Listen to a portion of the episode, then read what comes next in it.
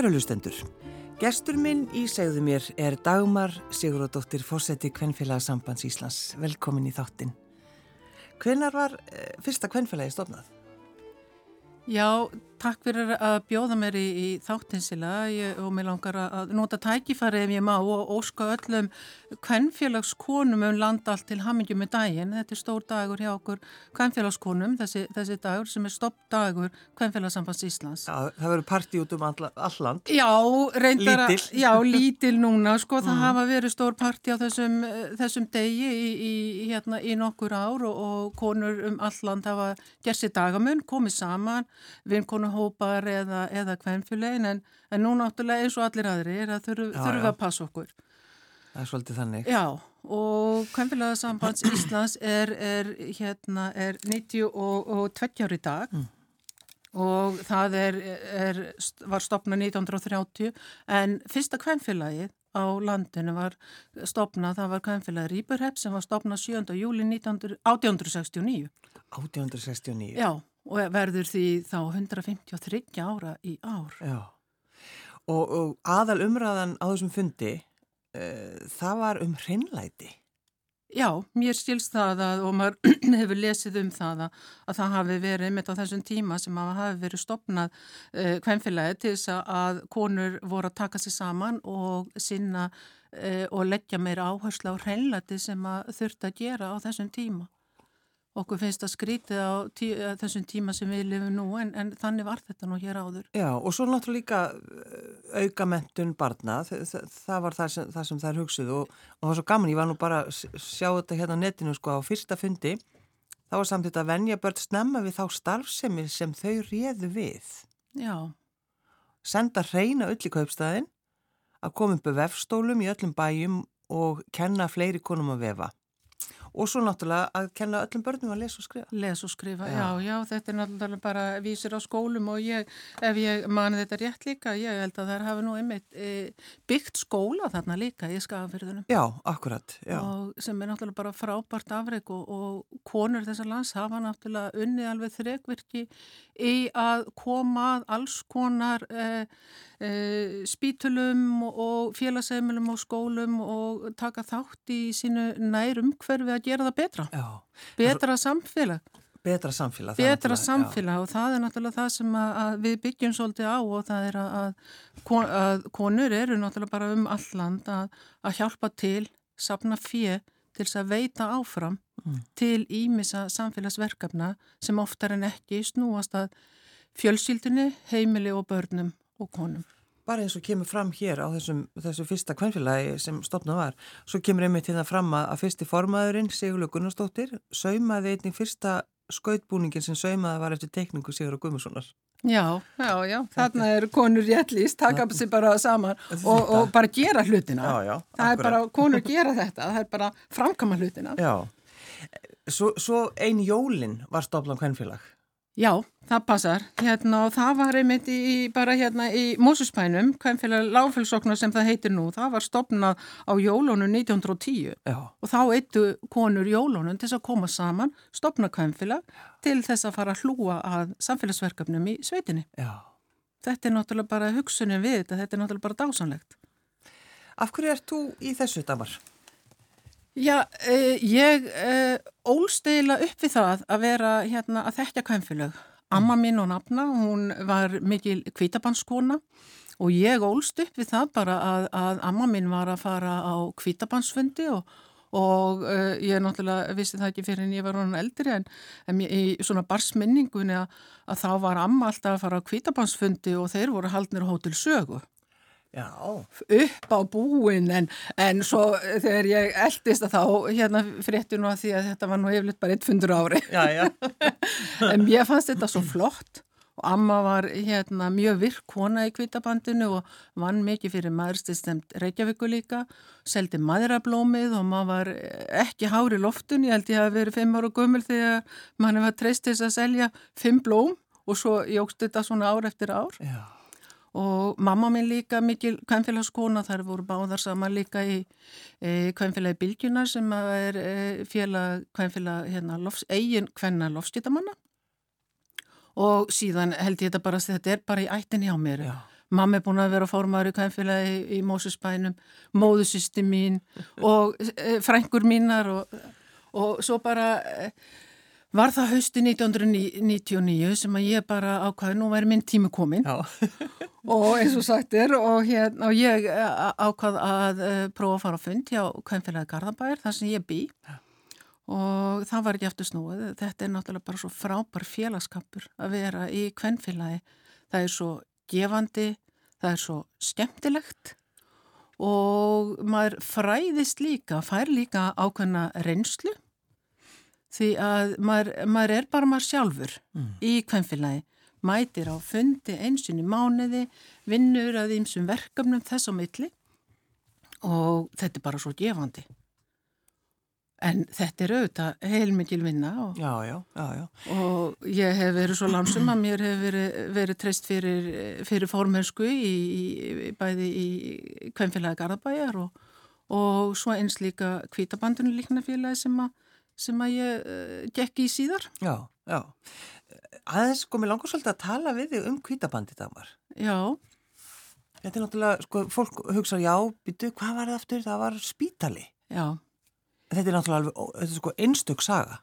Sko, já, kvítabandið er náttúrulega mjög einstakt félag og hérna eh, engun orð, til dæmis kvítabansins lýsa svolítið starfseminni og engun orð kvítabansins eru fyrir Guð, heimil og þjóðina. Já.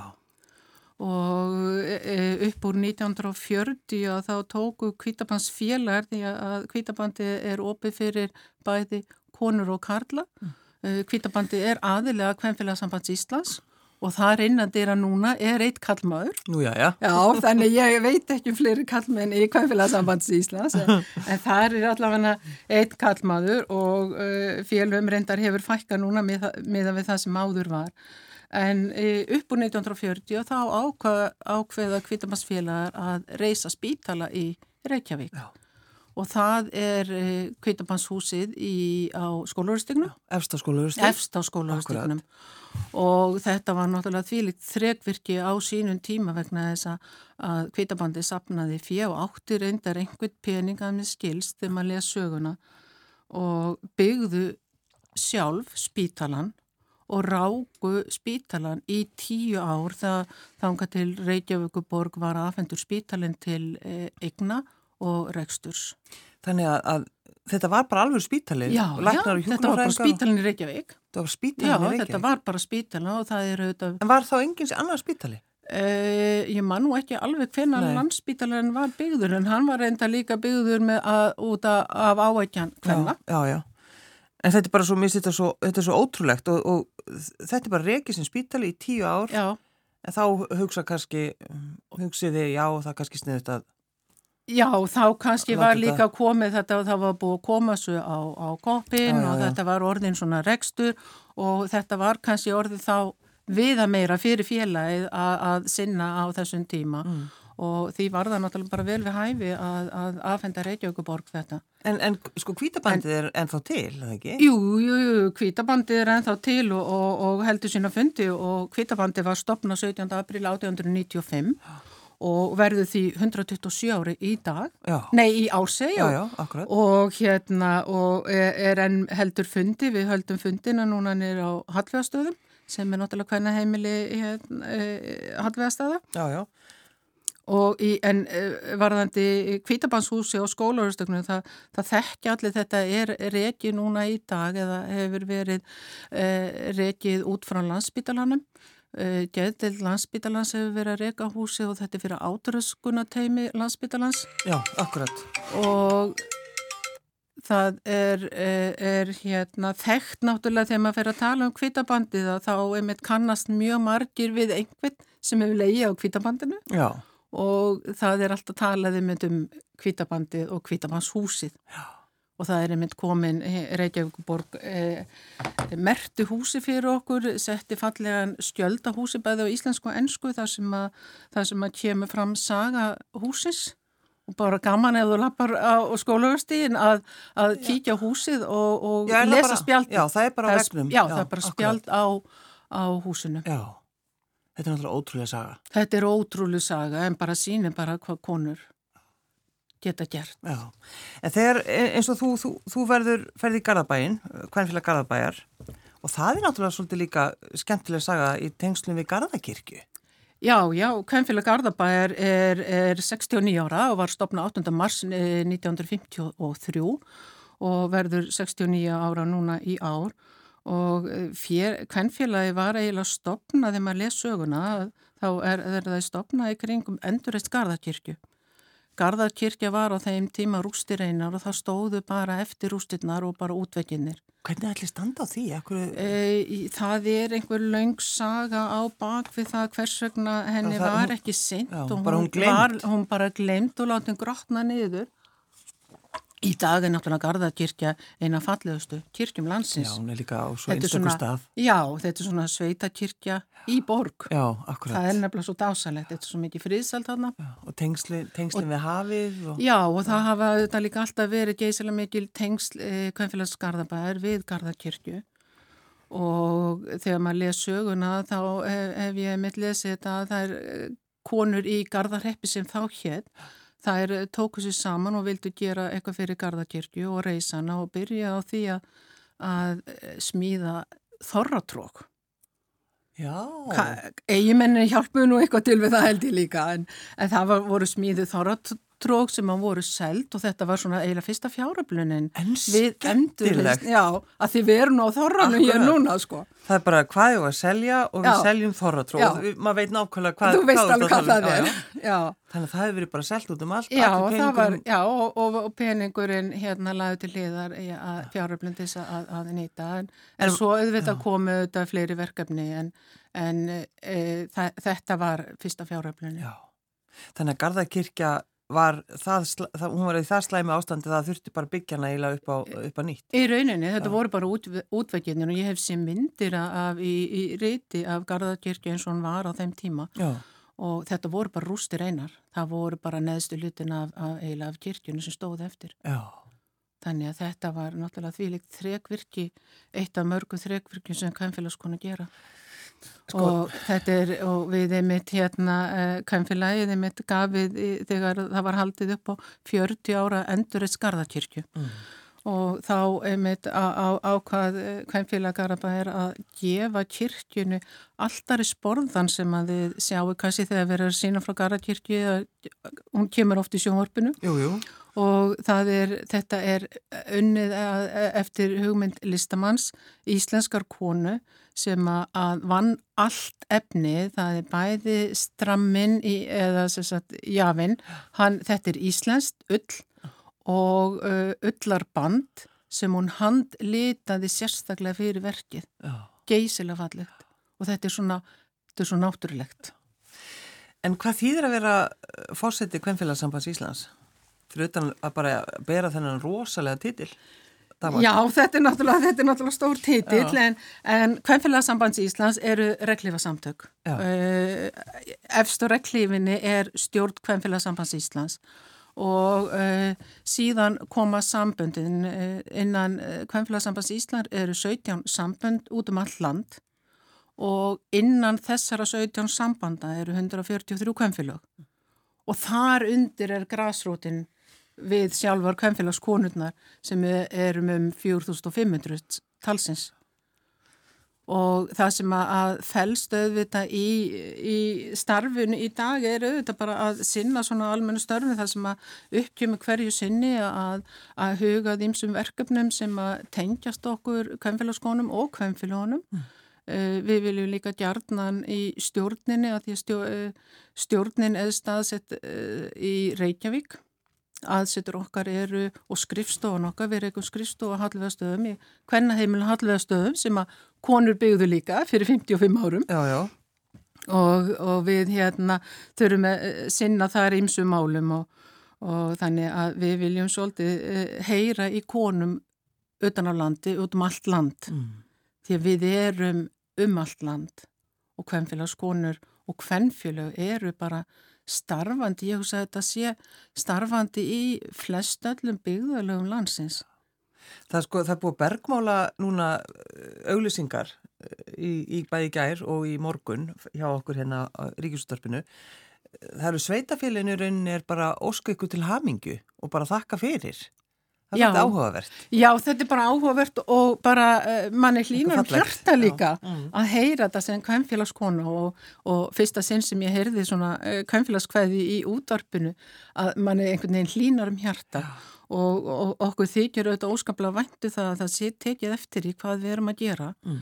því að uh, það er náttúrulega verið að vinna þrekvirki í hverju sveitafélagi og ég hugsa á mörgum stöðum sé hreinlega bara kvennfélagi hjarta samfélagsins því að uh, kvennfélagskonur sjá oftar en ekki um ymsar uppákomur, þorrablótina því við vorum að tala þau áðan Jú, jú. og ársatíðir og jólaböll og, og svo þegar eitthvað bjátar á og þarf að, að gera eitthvað að þá er leita til kvennfélagsins Já.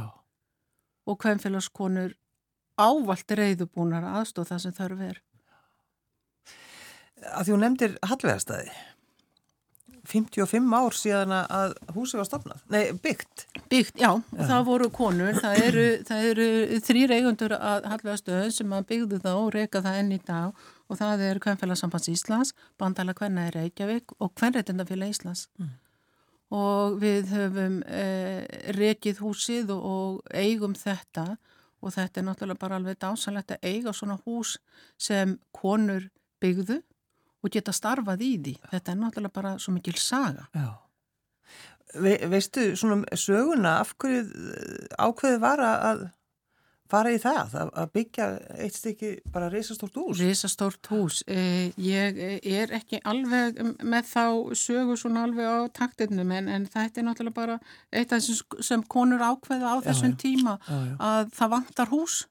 Þá Þá er það bara byggt. Já, þá bara fyrir við að byggja Þá þetta hús. fyrir við bara að byggjum hús. En þetta er svo fallegt líka, fallegt hús. Já, mjög á- fallegt hús. Maður mað tek, mað tekur eftir því. Já, stendur á fallegum stað Mm.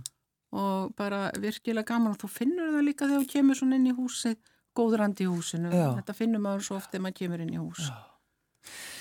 Svo er það náttúrulega, auðvitað húsfreyjan, maður, má náttúrulega, maður, þarf alltaf, að- maður á alltaf að tala um það, sko, hér rómaða blað. Já, húsfræðin er náttúrulega okkar málgagn og við erum í, hérna, í kvennfélagsambandurum, við erum það er búið að, að gefa út húsfræðina óslítið í 73 ár, Já. hugsaður, Og sömu kennitölu. á sömu kennitölu og þetta er náttúrulega bara dásanlegt blað, þetta er náttúrulega á, á erindi við svo marga húsfræðan í dag, þetta er alls konar þættir í þessu viðtöl við merkilegar konur og ymsir þættir sem að gaman er að, að lesa sér til um Mm.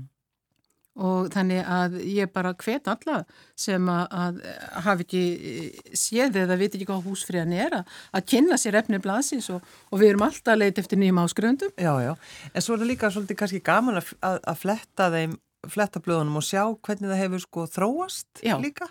Það er einmitt líka svo skemmtilegt og við vorum einmitt á stjórnarfundum daginn þar sem við vorum einmitt að ræða þetta að það væri svo gaman að sjá það hvað, hvað húsfríðan blaðið hefur haldið í við samtíman. Já, já. Því að ef þú skoðar eldri blöð, þau voru náttúrulega bara í sörkvítu og, lítil rit en, en, en í dag er þetta bara fallit blað og við höfum haldið í það að gefa þetta út í prentuð formi en fyrir þær sem að kjósa og nú eru margar ungar konur sem að vilja freka að lesa þetta allt á netinu að þá erum við líka með áskriftarvef þar sem að konur geta gerst áskrifendur og lesa þetta bara á netinu og reyndar er það mjög gott að geta einmitt lesa þetta á netinu líka því að stundum vantar mann upplýsingar og veit að þetta stendur í húsfriðinni og þá fer maður bara í iPadin sinni eða símað sinni og getur lesið sér til um það þarf ekki kannski endilega að finna blaði. Nei, nei. En, en var ekki líka, gæt maður ekki líka ringt á Hallvegarstaði, er það ekki, Jú, það er leiðbynningastöður. leið, er Já, hún ekki ennþá? Jú, hún er ennþá og hún er alveg virk og starfsmæður uh, kvennfélagsambansi sinni leiðbynningastöðinni líka Mm. og leiðbynningastöðin er líka með heimasíð þannig að það er ímis fróðleikur þar og, og, og það er svona oft í kringum hátíðar og svona ímislegt þegar mi- mikið stendur til hjá fjölsundum að þá er verið að ringja og leita upplýsinga. Já, þetta, er- þetta, svo, þetta er svo skemmtilegt, veist, það er kannski bara fólk sem er að prófa að steikja hrygg í fyrsta skiptið eða eitthvað, Já. það bara hefur kannski ekki aðganga þeim sem að kannski geta gefið og þá bara er hægt að ringja í leifbeiningastöðina. Já, og það er auðvitað í dag, er hægt að finna allar svona upplýsingar á netinu. Já. Þú getur googlað Jú, allt jú. saman. En það er einhvern, einhvern veginn öðru vísi að taka upp síma, ringja og heyra í konunni sem segir þér hvernig átt að gera þetta. Reyndar, það er bara Það mjög er gott. bara, það er bara svolítið gott líka. En, en kemur kannski það líka til að, að er, er kannski einmanna fólk að ringja í leifbeiningastöðina? Nei, ég hef ekki heyrt um Nei, það. það er bara fólk sem Það bara, bara, fólk sem að, þarf bara, já, vantar já, upplýsingar. hvað á ég að kaupa mikið já, af því að ég er að fara að partí. eða, já, eða bara hvernig hægt að ná svona bletti og, Já, já, já, já, og ímislegt og það er ímisfróðleikur um bæði e, hérna matagerðina og þrifin líka og hreinlega eins og við vorum að nefna hérna áðan sko, Já, sko það eru 4500 kvenfélagskonur á landinu, á öllu landinu. á já. öllu landinu. En Þetta er reyndar, þessi tala er reyndar bara eh, innan Kvenfélagsambands Íslands. Það eru þetta fleiri konur á landinu og því miður er við, er ekki öll félög eða sambönd á, á landinu sem að hafa kosið að vera með okkur í verkefninu. En þannig það eru fleiri kvenfélagskonur á landinu. Já, þannig að það er svona sem við vilja kannski einmitt ekki vera Já, eða bara kjósa, kjósa að vera bara sér og, og, og maður auðvitað virðir það en, en við viljum auðvitað ná helst öllum konu vegna þess að, að það er náttúrulega bara þannig að samtakamáttur okkar kvenna hefur lift grettistaki mm -hmm. og við erum alveg geysilega öflugt afl saman, Já, ekki sundraðar. nei, nei, nei, nei Það er náttúrulega bara svo leis. En eh, á 90 ára ámælinu þá fóru það safnaðir það ekki, það, það, það, er 92 ára í dag. Já. 90 ára ámælinu þá voru þið búin að ákveða að fara að safnaði það ekki. Jú, það var ákveðið sko, ef við bekkum aðeins að árið hérna þegar Kvenfélagsamband Íslands var 80 ára Já. og 2010 að þá ákvað uh, stjórn uh, Kvenfélagsambands Íslands og Sigurlaug Víborg var þá fórsiti Kvenfélagsambandsins þá ákvaði að uh, útnefna þennan dag sem er í dag, 1. februar, sem dag Kvenfélagskonnar og þetta er, það er ekki lengra síðan við fórum að, að halda sérstaklega upp á þennan, þennan dag. Og á þeim tíma þá var líka ákveð hvað ætti að gera í tilefni eh, amalisins og við kvenfélagskonu við prjónuðum ungbarna húfur út um allt land. Og öll börn sem fættust 2010 fengu á, uh, áður en þau fóru heima að fengu eina húfu sem að hafi verið handprjónuð af kvenfélagskonu.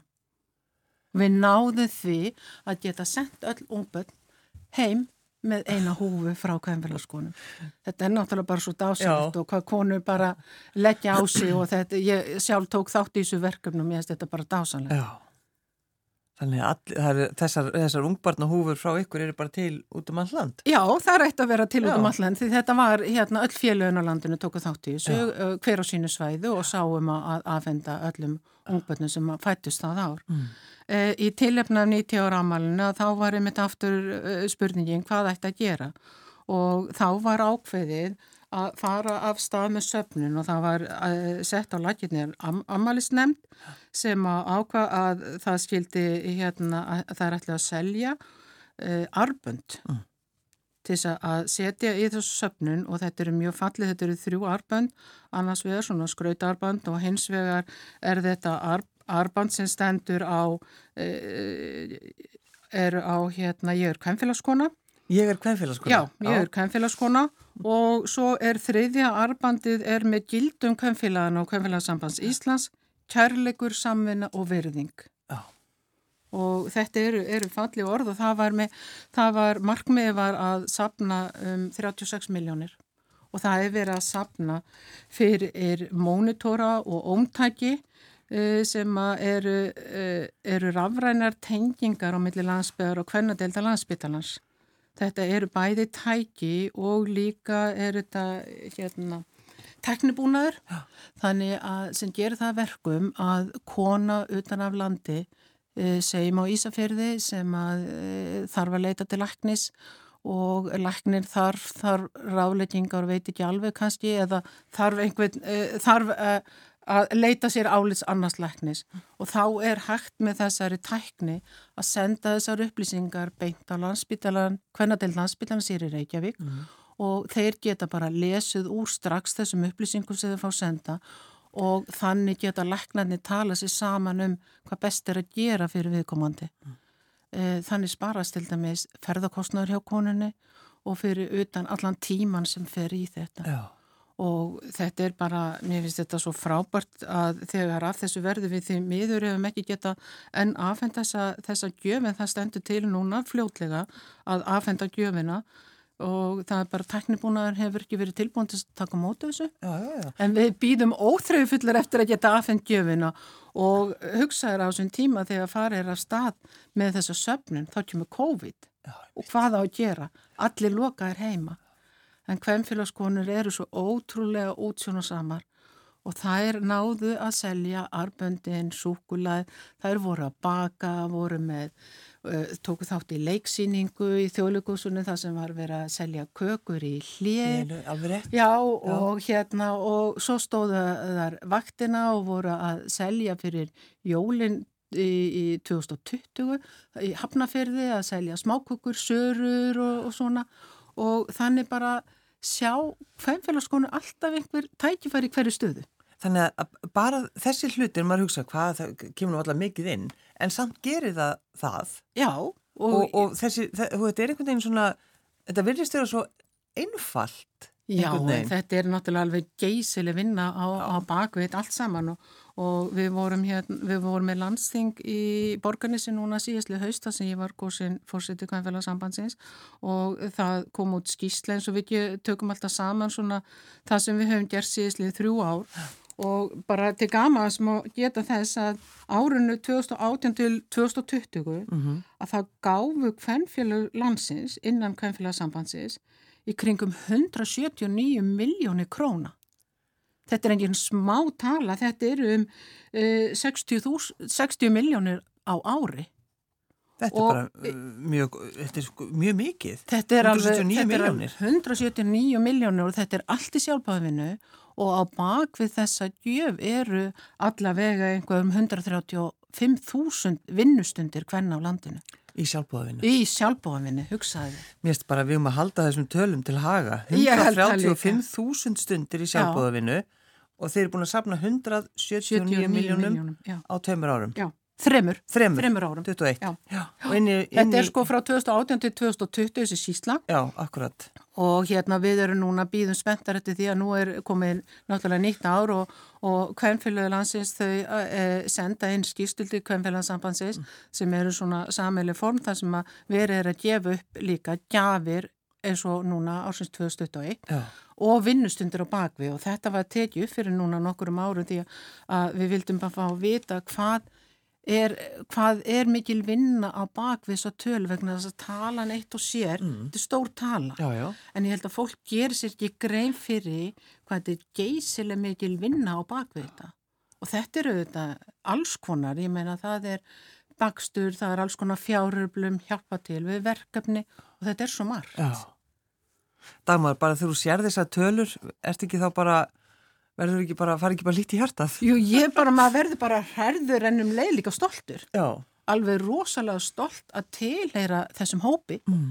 kvemmfélagana sem að, að taka þátt í þessu verkefni og maður bara einhvern veginn, það er svo gaman að geta verið með í að sinna svona samfélagsverkefnum og það er verið, það er bara, kvemmfélag út um allan gætu sagt því sögum um hvað búið er að gera og gefa já. í gegnum tíðina.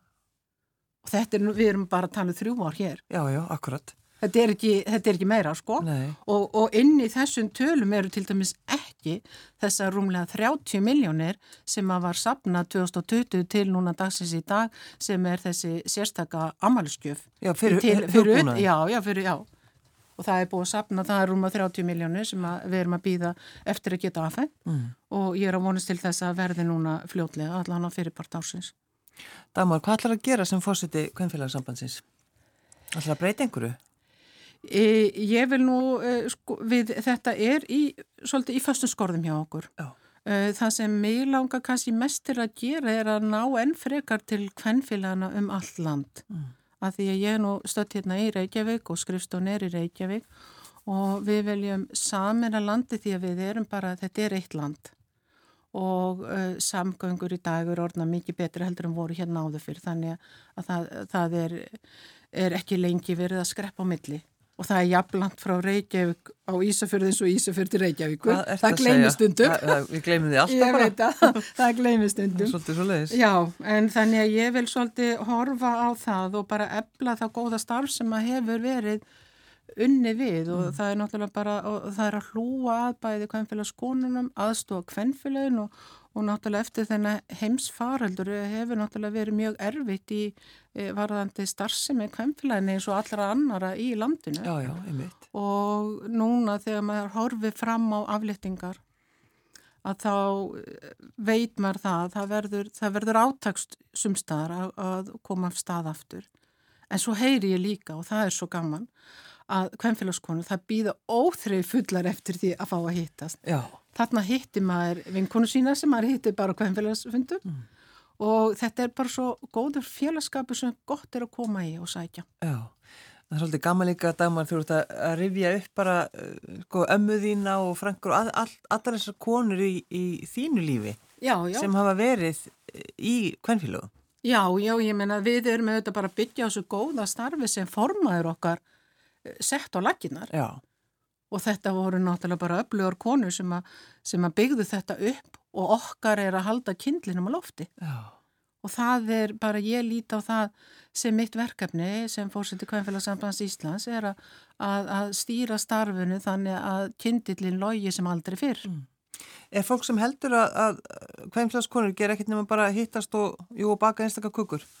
Auðvitað heyrim að það líka. En, jú, jú, en, Hva, en, Hvað eru þið að gera í kvælfélaginu? Já, já, svo sé ég líka e, byrju, hversun ættu við ekki líka að baka? Ég sjálf, ég hef alveg óskaplega gaman að baka. Já.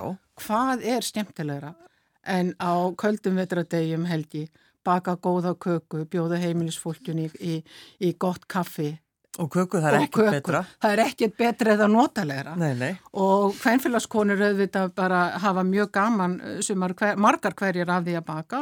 Eh, við gerum auðvitað meira og, og fundum er verið að bjóða upp á, það er verið að bjóða upp á kökur, bröðmeti og, og annað slíkt og ég menna svo erum við bara fullt af öðru sem að hægt er að mæta með á hvernfélagsfundi það þarf ekki endilega að baka alltaf. Nei, nei, nei, nei. Það er bara allir bröðrættirnir heitu og köldu og bara nefndu það. En þetta er bara svo ótrúlegar sko, þessar tölur og, og þegar maður sér bara og skoðar söguna hvað, hvað kvennfjölögin hafa gert fyrir okkur á Íslandi?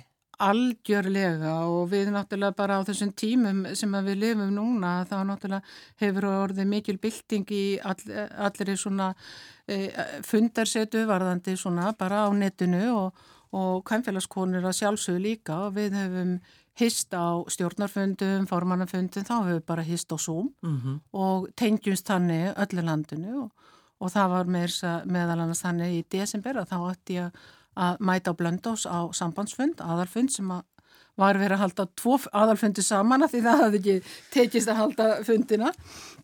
Og veður voru válind og, var og e, veiran var að fara aftur á stað þannig að það var ekki þórand að fara í annar bæjarfélag Þannig að þá tengdist ég þeim bara Zoom mm.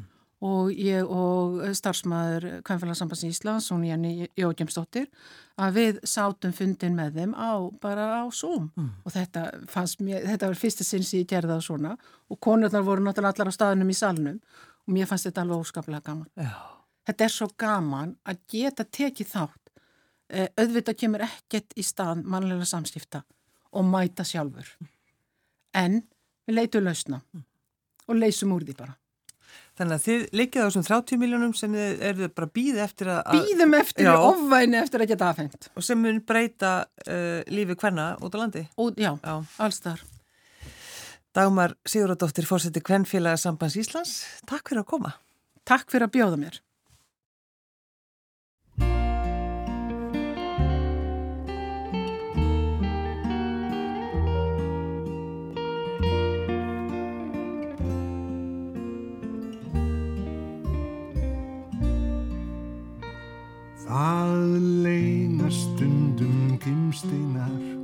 gödunni Þú getur fundið perlur viðast hvar. En það er lítils virði ef að þú ert ekki þar. Ég sé þig í öllu allstaðar